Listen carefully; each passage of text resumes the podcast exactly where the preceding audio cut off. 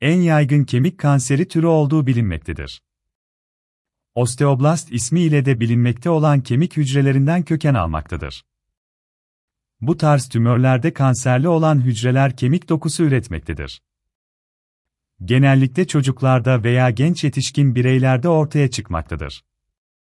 Kollarında ve bacaklarında oluşum gösterdiği bilinmektedir.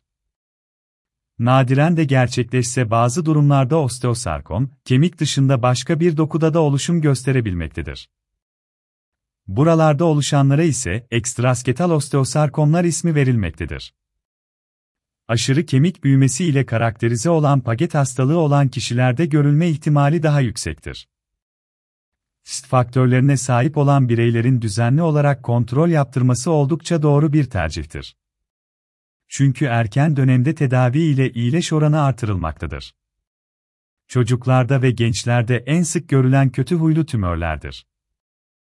Genelde bir kişinin yaşamının ikinci 10 yılında ortaya çıkmaktadır.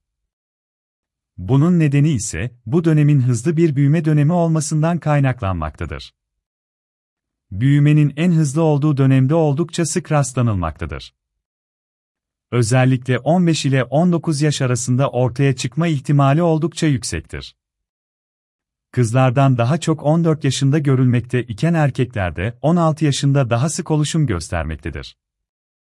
Gençlerde ve çocuklarda daha sık oluşan bu tümör kötü huylu bir tümördür ve kollarda, bacaklarda daha sık meydana gelmektedir. Belirtileri ortaya çıktığında mutlaka muayene gerçekleştirilmesi ve hastanın durumunun detaylı bir şekilde teşhis edilmesi gerekmektedir.